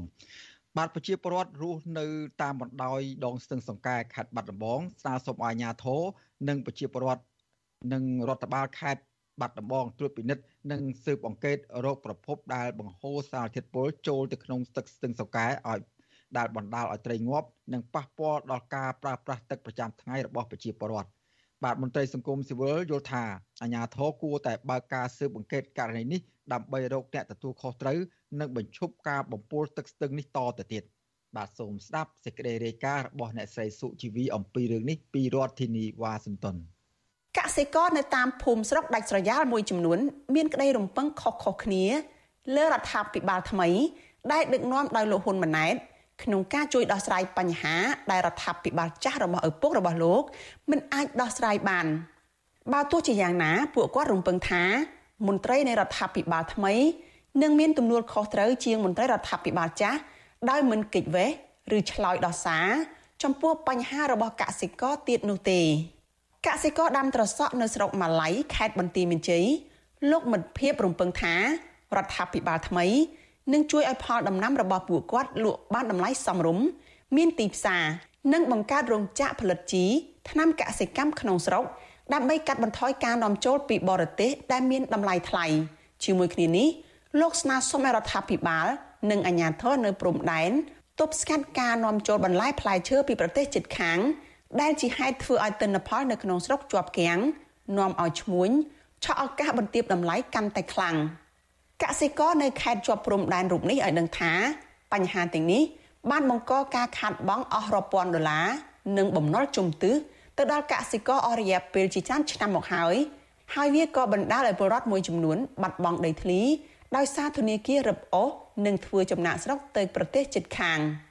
បាទបើបើថាអត់ឲ្យចូលទេខាងយើងនេះគឺថាបានតម្លៃទេរហូតតែអញ្ចឹងយើងអាចនឹងមានកម្លាំងទឹកចិត្តអីនឹងដាំបន្តទៅទៀតរហូតអញ្ចឹងតែមានតែមកចេះតែបើច្រកឲ្យគេនាំចូលគឺចាប់ហើយមានរត់ទៅថៃអស់ហើយអត់នៅខ្មែរទេទេបើនៅខ្មែរមានអីពឹងបើធ្វើទៅសក់សក់ថោកធ្វើស្រែបានស្រូវថោកតែអញ្ចឹងយើងរកទីផ្សារឃើញមានទៅស៊ីឈ្នួលថៃយកលុយបង់អង្គការក្រៅពីបញ្ហាតម្លៃនិងទីផ្សារ កសិករធ្វើស្រែមួយចំនួនទៀតក៏កំពុងជួបបញ្ហា ក្នុងការបង្កបង្កើនផលបែបប្រពៃណីដែលពឹងផ្អែកលើអាកាសធាតុផងដែរកសិករនៅស្រុកកោះក្រឡខេត្តបាត់ដំបងលោកដូចស្ដើងឲ្យដឹងថាក្នុងមូលដ្ឋានរបស់លោកស្ថិតនៅក្នុងឃុំឆ្នាល់មន់និងឃុំព្រះផុសកំពុងជួបគ្រោះរាំងស្ងួតធ្ងន់ធ្ងរបណ្ដាលឲ្យស្រូវងាប់អស់រាប់ពាន់ហិកតា ដោយសារតែគ្មានភ្លៀងធ្លាក់ខណៈស្រុកនេះ ខ្វះប្រព័ន្ធធារាសាស្ត្រដើម្បីនាំទឹកពីតំបន់ផ្សេងមកស្រោចស្រពស្រែចម្ការ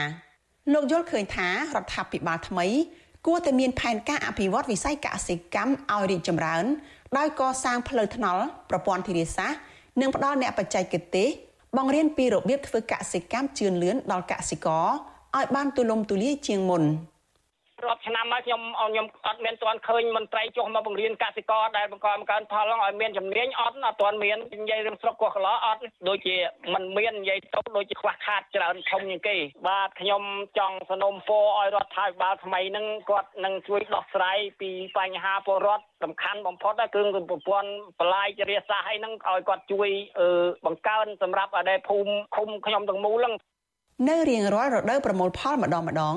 កសិករតែងតែត្អូញត្អែពីបញ្ហាតម្លៃធ្លាក់ចុះខ្លាំងនៃផលដំណាំរួមមានត្រសក់ស្វាយមៀនត្រប់សណ្ដែកនិងម្ទេសជាដើមជួនកាលកសិផលទាំងនោះលក់មិនចេញនឹងត្រូវយកទៅចាក់ចោលក៏ដូចភ្នំក៏មាន ទន្ទឹមគ្នានេះរដ្ឋាភិបាល ដែលមានក្រសួងកសិកម្មជាសេនាធិការហាក់គ្មានដំណោះស្រាយជាក់លាក់ដើម្បីជួយសង្គ្រោះទីផ្សារកសិករនោះទេ តែបែរជាបន្ទោសកសិករថាដាំដុះតាមគ្នា បណ្ដាលឲ្យលើសតម្រូវការទីផ្សារនិងគម្រាមកសិករមិនឲ្យតវ៉ាឬរិះគន់នៅលើបណ្ដាញសង្គម Facebook ទៀតផងខុសពីកសិករផ្សេងទៀតកសិករនៅខេត្តបៃលិនដែលចូលចិត្តតាមដានព្រឹត្តិការណ៍នយោបាយលោកព្រំនិមិត្តហាក់គ្មានក្តីរំពឹងនិងជំនឿលើនាយករដ្ឋមន្ត្រីថ្មីនៃត្រកូលមេដឹកនាំចាស់ក្នុងការជួយដល់កសិករឡើយលោកយល់ថារចនាសម្ព័ន្ធរដ្ឋាភិបាលថ្មីនេះហាក់មិនមានការផ្លាស់ប្ដូររបៀបដឹកនាំអ្វីដែលថ្មីនោះទេ ដោយគ្រាន់តែបដូរមុខតំណែងគ្នាកាន់តែប៉ុណ្ណោះលោកលើកឡើងថាតកតងនឹងតម្លៃកសិផលធ្លាក់ចុះនេះរដ្ឋមន្ត្រីក្រសួងកសិកម្មជាច្រើនអ្នកមកហើយតែងតែកិច្ចវេះពីបញ្ហា និងដោះសារយករួចខ្លួនទោះជាយ៉ាងណា លោកស្នើដល់រដ្ឋាភិបាលថ្មី គួរតែទទួលស្គាល់ភាពកំសោយនិងអសមត្ថភាពរបស់រដ្ឋាភិបាលចាស់ហើយត្រូវទទួលស្គាល់និងកែប្រែកំហុសទាំងនោះឡើងវិញអារឿងមកផ្ទះដោយដោយអត់មានអីដិតដាមមិនតាមទៅស្រង់វិទ្យុអាស៊ីសេរីមិនអាចសុំការបកស្រាយជុំវិញការលើកឡើងនេះពីអ្នកនាំពាក្យក្រសួងកសិកម្មកញ្ញាអឹមរចនាបានទេ នៅថ្ងៃទី2ខែសីហាដោយកញ្ញាប្រាប់ថាកំពុងជាប់ប្រជុំចំណែកប្រធានអង្គភិបអ្នកនាំពាក្យរដ្ឋាភិបាលលោកផៃស៊ីផាន់ក៏មិនអាចតាក់ទងបានដូចគ្នាជុំវិញរឿងនេះសមាជិកក្រុមប្រឹក្សាភិបាលរបស់អង្គការសាមគ្គីភាពកសិករកម្ពុជា លោកឌីគុន្ធាមានប្រសាសន៍ថាទីផ្សារកសិផលនៅកម្ពុជា មានភាពផុយស្រួយដោយសារតែការនាំចូលកសិផលពីក្រៅប្រទេសលើសកម្រិតលោកក៏សម្គាល់ឃើញថាកសិករចំណាយថ្លៃដើមដាំដុះកាន់តែច្រើនដោយសារថ្នាំនិងគ្រឿងកសិកម្មភាគច្រើននាំចូលពីក្រៅប្រទេសដែលជាហេតុនាំឲ្យកសិករនៅក្នុងស្រុកពិបាកប្រកួតប្រជែងជាមួយតម្លៃកសិផលដែលនាំចូលពីក្រៅស្រុកលោកលើកឡើងថាដើម្បីដោះស្រាយបញ្ហាជូនកសិករ ក្រសួងពាក់ព័ន្ធគួរបង្កើតកម្មវិធីបណ្ដុះបណ្ដាលដល់កសិករនៅវិធីដាំដុះបែបសម័យទំនើបដែលមិនចាំបាច់ពឹងផ្អែកខ្លាំងលើជីគីមីឬថ្នាំកសិកម្មដែលនាំចូលពីក្រៅប្រទេស ជាពិសេសទប់ស្កាត់ការនាំចូលកសិផលក្រៅស្រុកលើសលប់។ ដើម្បីឲ្យមានការកំណត់តម្លៃដោយមានការទទួលខុសត្រូវការការពារផលប្រយោជន៍របស់កសិករខ្មែរចឹងគណៈកម្មការផលិតកម្មតាមកិច្ចសន្យានៅថ្នាក់ជាតិថ្នាក់ក្រោមជាងត្រូវបើកបេះដូងជាចំហមួយនៅក្នុងការស្វែងរកដំណោះស្រាយណាមួយដែលអាចទិញស្នាមញញឹមបេះដូងរបស់កសិករហើយឆ្លៀតឱកាសនេះដែរខ្ញុំចង់បញ្ជាក់ដែរថាប្រទេសកម្ពុជាភាគច្រើនគឺជាគ្រួសារកសិករដែលងាយផុយស្រួយទៅនឹងគ្រួសារងាយរងគ្រោះនិងក្រីក្របំផុត របាយការណ៍របស់ក្រសួងកសិកម្មឆ្នាំ2022បង្ហាញថាកម្ពុជាបាននាំចូលបន្លែពីប្រទេសជិតខាងប្រមាណ72500តោននៅក្នុងមួយថ្ងៃរបាយការណ៍បញ្ជាក់ថាការនាំចូលបន្លែពីក្រៅប្រទេសច្រើនបែបនេះដោយសារការដាំដុះនៅក្នុងស្រុកនៅជួបបញ្ហាបច្ចេកទេសដាំដុះសម្ភារៈកសិកម្មថ្លៃនិងគ្រោះធម្មជាតិទើបវិស័យឯកជនបាននាំចូលបន្លែពីក្រៅស្រុកបន្ថែមដើម្បីមកបំពេញតម្រូវការ ប្រជាកសិកររំពឹងថារដ្ឋាភិបាលថ្មីនឹងជួយដោះស្រាយបញ្ហាទីផ្សារកសិកម្មបច្ចេកទេសដាំដុះប្រព័ន្ធធារាសាស្ត្រជាពិសេសជួយអភិវឌ្ឍផ្លូវលំសាលារៀននិងមន្ទីរពេទ្យនៅតាមទីជនបទដើម្បីបង្កភាពងាយស្រួលដល់ពួកគាត់នាងខ្ញុំសុជីវីវិទ្យុអាស៊ីសេរីពីរដ្ឋធានី Washington បាទលោកនាងកញ្ញាជាទីមេត្រីយើងខ្ញុំសូមអធិស្ឋានសេចក្តីរាយការណ៍របស់អ្នកស្រីសុជីវីដែលរាយការណ៍ជូនលោកនាងអំបញ្ញមិញនេះគឺជាសេចក្តីរាយការណ៍ដែលផ្ដោតទៅលើបញ្ហាកសិករនៅតាមបណ្ដោយព្រំដែនដាច់ស្រយាលមួយចំនួនបានដាក់ក្តីសង្ឃឹមទៅលើរដ្ឋាភិបាលថ្មីថានឹងជួយដោះស្រាយបញ្ហាកសិកម្មនិងអភិវឌ្ឍមូលដ្ឋានរបស់ពួកគាត់ឲ្យប្រសើរឡើងជាងមុនបាទចំពោះសេចក្តីរាយការណ៍ដែលពាក់ព័ន្ធនឹងបញ្ហាបុគ្គលបរិស្ថាន ធ្វើឲ្យទឹកក្នុងទឹងសង្កែមានជាតិពុលបណ្ដាលឲ្យងាប់ព្រៃនិងប៉ះពាល់ដល់សុខភាពប្រជាពលរដ្ឋនោះយើងខ្ញុំនឹងរៀបចំជូនចាប់ផ្សាយលោករនាងនៅព្រឹកស្អែកបាទសូមអរគុណបាទឥឡូវនេះយើងបាទបាទឥឡូវនេះយើងវិលត្រឡប់មករឿងស្ថានភាពនយោបាយនៅក្រៅការបោះឆ្នោតជាពិសេសពាក់ព័ន្ធនឹងបញ្ហាគម្រោងផ្ទេរ តំណែងនាយករដ្ឋមន្ត្រីពីឪពុកតកូននៅក្នុងគ្រួសារតកូហ៊ុនដែលនឹងប្រព្រឹត្តទៅ នៅថ្ងៃទី22ខែសីហាខាងមុខនេះវិញបាទអ្នកខ្លោបមើលនយោបាយនិងមន្ត្រីគណៈបកប្រឆាំងលើកឡើងថារដ្ឋាភិបាលបន្តពូជរបស់ត្រកូលហ៊ុនប្រឈមនឹងការផុយស្រួយព្រោះតែការផ្ទេរតំណែងនាយករដ្ឋមន្ត្រីពីលោកហ៊ុនសែនទៅលោកហ៊ុនម៉ាណែតមិនទាន់មានការឯកភាពផ្ទៃក្នុងគណៈបកនេះនៅឡើយទេ រួមទាំងការដាក់សម្ពាធពីអន្តរជាតិថែមទៀតផងបាទទោះយ៉ាងណាអ្នកនាំពាក្យគណៈបកកណ្ដាលអំណាចហាងថាគណៈបកនេះនៅតែមានផ្ទៃក្នុងរឹងមាំហើយគ្មានមេដឹកនាំនៅក្នុងគណៈបកនេះជំទាស់ចំពោះការផ្ទេរតំណែងនាយករដ្ឋមន្ត្រីនោះទេបាទសូមស្ដាប់សេចក្តីរាយការណ៍របស់លោកយ៉ងច័ន្ទរាអំពីរឿងនេះពីរដ្ឋធានី Washington អ្នកខ្លំមើលស្ថានភាពនយោបាយនិងមន្ត្រីគណៈបកប្រឆាំងក៏សម្គាល់ឃើញថាបញ្ហាធំធំ3រួមមានវិបត្តិសេដ្ឋកិច្ច ចំនួនផ្ទៃក្នុងគណៈបកកណ្ដាលអំណាចនិងសម្ពាធពីអន្តរជាតិនឹងធ្វើឲ្យការផ្ទេរតំណែងនាយរដ្ឋមន្ត្រីពីលោកហ៊ុនសែនទៅលោកហ៊ុនម៉ាណែតជួបឧបសគ្គឬក៏រដ្ឋាភិបាលថ្មីប្រឈមនឹងភាពផុយស្រួយពួកគេលើកឡើងថាពេលនេះចំនួនផ្ទៃក្នុងរបស់គណៈបកប្រជាជនកម្ពុជាប្រសិនបើលោកហ៊ុនសែនមិនដោះស្រាយឲ្យបានទាន់ពេលវេលាទេនោះនឹងអាចផ្ទុះឡើងជាសាធារណៈ ហើយបញ្ហានេះបណ្ដាលមកពីមន្ត្រីចាស់ចាស់មានអធិបុលមួយចំនួនមិនគាំទ្របេក្ខភាពនាយករដ្ឋមន្ត្រីរបស់លោកហ៊ុនម៉ាណែតនិងមិនពេញចិត្តការរៀបចំរបស់លោកហ៊ុនសែនដែលរុញពួកគេទាំងនោះឲ្យទៅបញ្ឈរជើងនៅឧត្តមក្រុមប្រឹក្សាព្រះមហាក្សត្រក៏ប៉ុន្តែលោកហ៊ុនសែនខ្លួនឯងបែរជាច្បាមយកអំណាចគ្រប់គ្រងពេញដៃទាំងនៅក្នុងជួរគណៈបកនិងនៅក្នុងស្ថាប័នកម្ពុជាកម្ពុជារបស់ជាតិ អ្នកវិភាគនយោបាយលោកកឹមសុខយល់ថានៅក្នុងស្ថានភាពអន្តរកាលដែលលោកហ៊ុនសែនជាប្រមុខរដ្ឋាភិបាលចាំផ្ទះប្រកាសផ្ទេរអំណាចរបស់លោកទៅឲ្យកូនប្រុសរបស់លោកបែបនេះគឺជាស្ថានភាពផុយស្រួយ លោកបន្តថាគណៈបកប្រជាជនកម្ពុជា កំពុងមានបញ្ហាផ្ទៃក្នុងពីព្រោះលោកហ៊ុនសែនបានចេញមុខចាត់ចែងផ្ទេរតួនាទីមេដឹកនាំជាន់ខ្ពស់ស្ថាប័នជាតិរួមមានប្រធានរដ្ឋសភា ប្រធានព្រឹទ្ធសភាតាមតែចិត្តចង់របស់លោកទាំងនោះมันបានឃើញមន្ត្រីកម្ពូលកម្ពូលមួយចំនួនចេញមុខយល់ព្រមនៅឡើយទេលោកកឹមសុខសង្កេតឃើញទៀតថា មកដល់ពេលនេះទើបតែមានរដ្ឋមន្ត្រីក្រសួងមហាផ្ទៃលោកសខេងម្នាក់ប៉ុណ្ណោះដែលប្រកាសគាំទ្រលោកហ៊ុនម៉ាណែតធ្វើជានាយករដ្ឋមន្ត្រី បន្ទាប់ពីលោកហ៊ុនសែន ចំណែកឯប្រធានរដ្ឋសភាលោកហេងសំរិនប្រធានព្រឹទ្ធសភាលោកសាយឈុំរដ្ឋមន្ត្រីក្រសួងការពារជាតិលោកទាបាញ់និងរដ្ឋមន្ត្រីក្រសួងទំនាក់ទំនងរដ្ឋសភាព្រឹទ្ធសភានិងអធិការកិច្ចអ្នកស្រីម៉ែនសំអនជាដើម នៅតែរក្សាភាពស្ងៀមស្ងាត់មិនទាន់ចេញសារគាំទ្រការផ្ទេរអំណាចរបស់លោកហ៊ុនសែននេះទៅឲ្យលោកហ៊ុនម៉ាណែតនៅឡើយទេលោកយល់ថាការរក្សាភាពស្ងៀមស្ងាត់គឺស្មើនឹងការមិនគាំទ្របេក្ខភាពរបស់លោកហ៊ុនម៉ាណែត ក្នុងដំណាក់កាលអន្តរកាលនេះខ្ញុំមើលឃើញថាអ្វីដែលក្រមគ្រួសារហ៊ុនយកជាបង្អែកដែលកម្លាំងប្រដាប់អាវុធហើយនឹងបង្អែកពីរដ្ឋាភិបាលចិនតែប៉ុណ្ណោះប្រសិនបើបង្អែកនេះមើលទៅរៀបចំមិនស្រួលហើយចិនមើលទៅក៏ពិបាកនៅជួយជ្រោមជ្រែងបន្តយូរអង្វែងផែនការអំណាចរបស់ក្រុមគ្រួសារហ៊ុនក៏មានឧបសគ្គពិបាករក្សាគង់ដែរ ស្រដៀងគ្នានេះដែរមន្ត្រីជាន់ខ្ពស់គណៈបកសង្គ្រោះជាតិដែលកំពុងភៀសខ្លួននៅប្រទេសម៉ាឡេស៊ីលោកមនផល្លាលើកឡើងថាបើទោះបីជាមន្ត្រីចាស់ចាស់របស់គណៈបកកណ្ដាលអំណាចមិនពេញចិត្តជាចំហក្តីប្រសិនបើលោកហ៊ុនសែនមិនកែប្រែស្ថានភាពទេ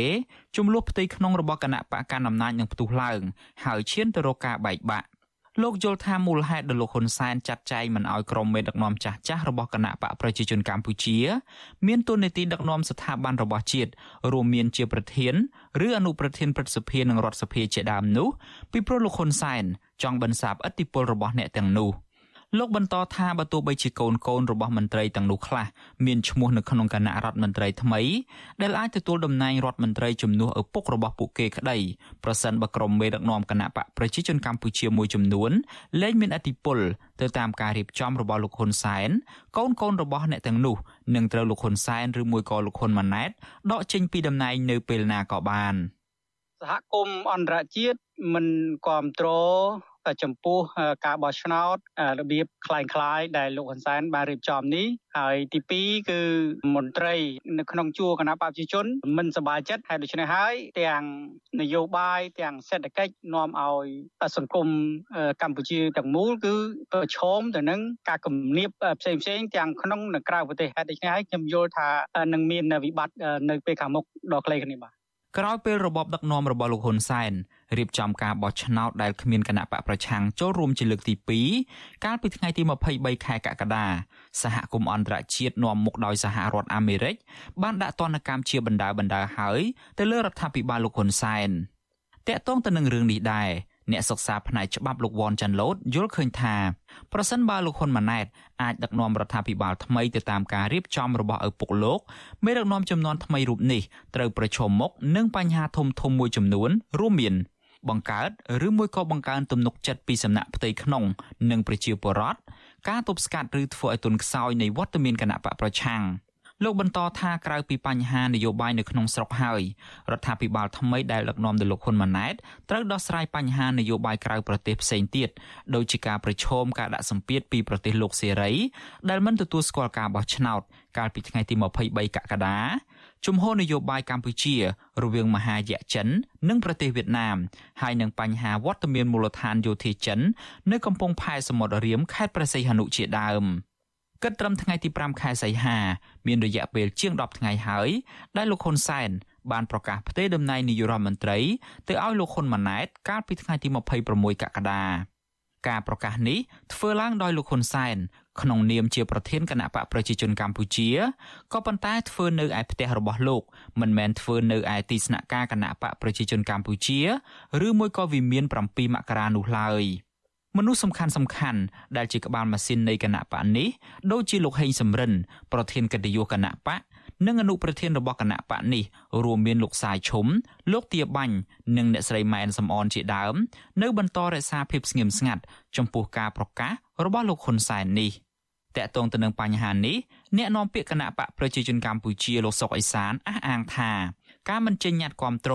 របស់មេដឹកនាំជាន់ខ្ពស់គណៈបកនេះពីព្រោះអ្នកទាំងនោះ ស្ថិតនៅក្នុងសមាជិកថ្នាក់ដឹកនាំកម្ពុជានៃការសម្រេចចិត្តគាំទ្រឲ្យលោកហ៊ុនម៉ាណែតបន្តតំណែងនាយរដ្ឋមន្ត្រីពីលោកហ៊ុនសែនរួចទៅហើយដូច្នេះពួកគាត់មិនចាំបាច់ចេញញត្តិគាំទ្រទៀតនោះទេលោកសុកអេសាននៅតែបញ្ជាក់ដដែលដដែលថាផ្ទៃក្នុងគណៈបកប្រជាជនកម្ពុជា នៅតែរឹងមាំដដែល។ ចាំបាច់គ្រប់គ្រងឲ្យប្រកបអ្នកសម្រាប់សម្ដេចដៃជូសែនសម្ដេចសខេសម្ដេចស្មានសំអនសម្ដេចជាបាញ់នេះសិតតែគេប្រជុំគ្នាក្នុងដឹកតាដឹកនាំកម្ពុជាឯកភាពគ្នាហើយដោយបានគេអនុវត្តដូច្នេះអ្នកសម្រាប់ចាំបាច់គ្រប់គ្រងទៀតស្រដៀងគ្នានេះដែរអនុប្រធានគណៈបកប្រជាជនកម្ពុជាលោកសខេង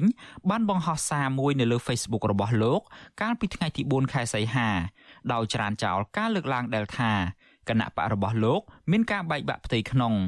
លោកសខេងបញ្ជាក់ថាគណៈបកប្រជាជនកម្ពុជា មានសាមគ្គីភាពផ្ទៃក្នុងរឹងមាំជាយូរមកហើយ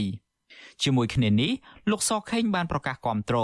និងសន្យាទំនុកបំរុងដល់លោកហ៊ុនម៉ាណែតធ្វើជានាយរដ្ឋមន្ត្រីបន្តពីលោកហ៊ុនសែន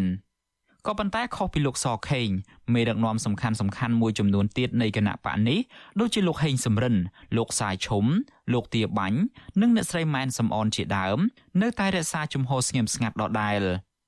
គិតមកដល់ពេលនេះនៅសល់រយៈពេលតែជាង2សប្តាហ៍ទៀតទេ គឺនៅថ្ងៃទី22ខែសីហាខាងមុខជាពេលវេលាដែលលោកហ៊ុនម៉ាណែតនឹងឡើងកាន់តំណែងនាយករដ្ឋមន្ត្រីជំនួសឪពុករបស់លោក ទន្ទឹមនឹងការរក្សាភាពស្ងៀមស្ងាត់របស់មេដឹកនាំសំខាន់សំខាន់មួយចំនួននៃគណៈបកកណ្ដាលអំណាចនេះលោកហ៊ុនសែនហាក់បង្ហាញសញ្ញាមិនទុកចិត្តគ្នានៅក្នុងផ្ទៃក្នុងគណៈបករបស់លោកដោយលោកហ៊ុនសែនបានចេញមុខព្រមានកាលពីថ្ងៃទី3ខែសីហាថាប្រសិនបើទាយាទរបស់លោកគឺលោកហ៊ុនម៉ាណែតជួបគ្រោះថ្នាក់ដល់អាយុជីវិតនោះលោកនឹងវិលមកដឹកនាំរដ្ឋាភិបាលឡើងវិញអ្នកខ្លាំមើលស្ថានភាពនយោបាយយល់ថា នៅពេលខាងមុខនេះលោកហ៊ុនសែនអាចនឹងកែប្រែការសម្រេចចិត្តរបស់ខ្លួនឡើងវិញដោយមិនអាចយកក្រុមមេដឹកនាំសំខាន់សំខាន់របស់គណៈបកទៅបញ្ឈរជើងជាសមាជិកឧត្តមក្រុមប្រឹក្សាព្រះមហាក្សត្រទាំងអស់នោះទេហើយលោកហ៊ុនសែនអាចនឹងផ្ដល់តួនាទីសំខាន់សំខាន់នៅក្នុងរដ្ឋសភាឬមួយក៏ព្រឹទ្ធសភាជូនទៅដល់អ្នកទាំងនោះឡើងវិញខ្ញុំយ៉ងច័ន្ទដារាវិទ្យុអាស៊ីសេរី Washington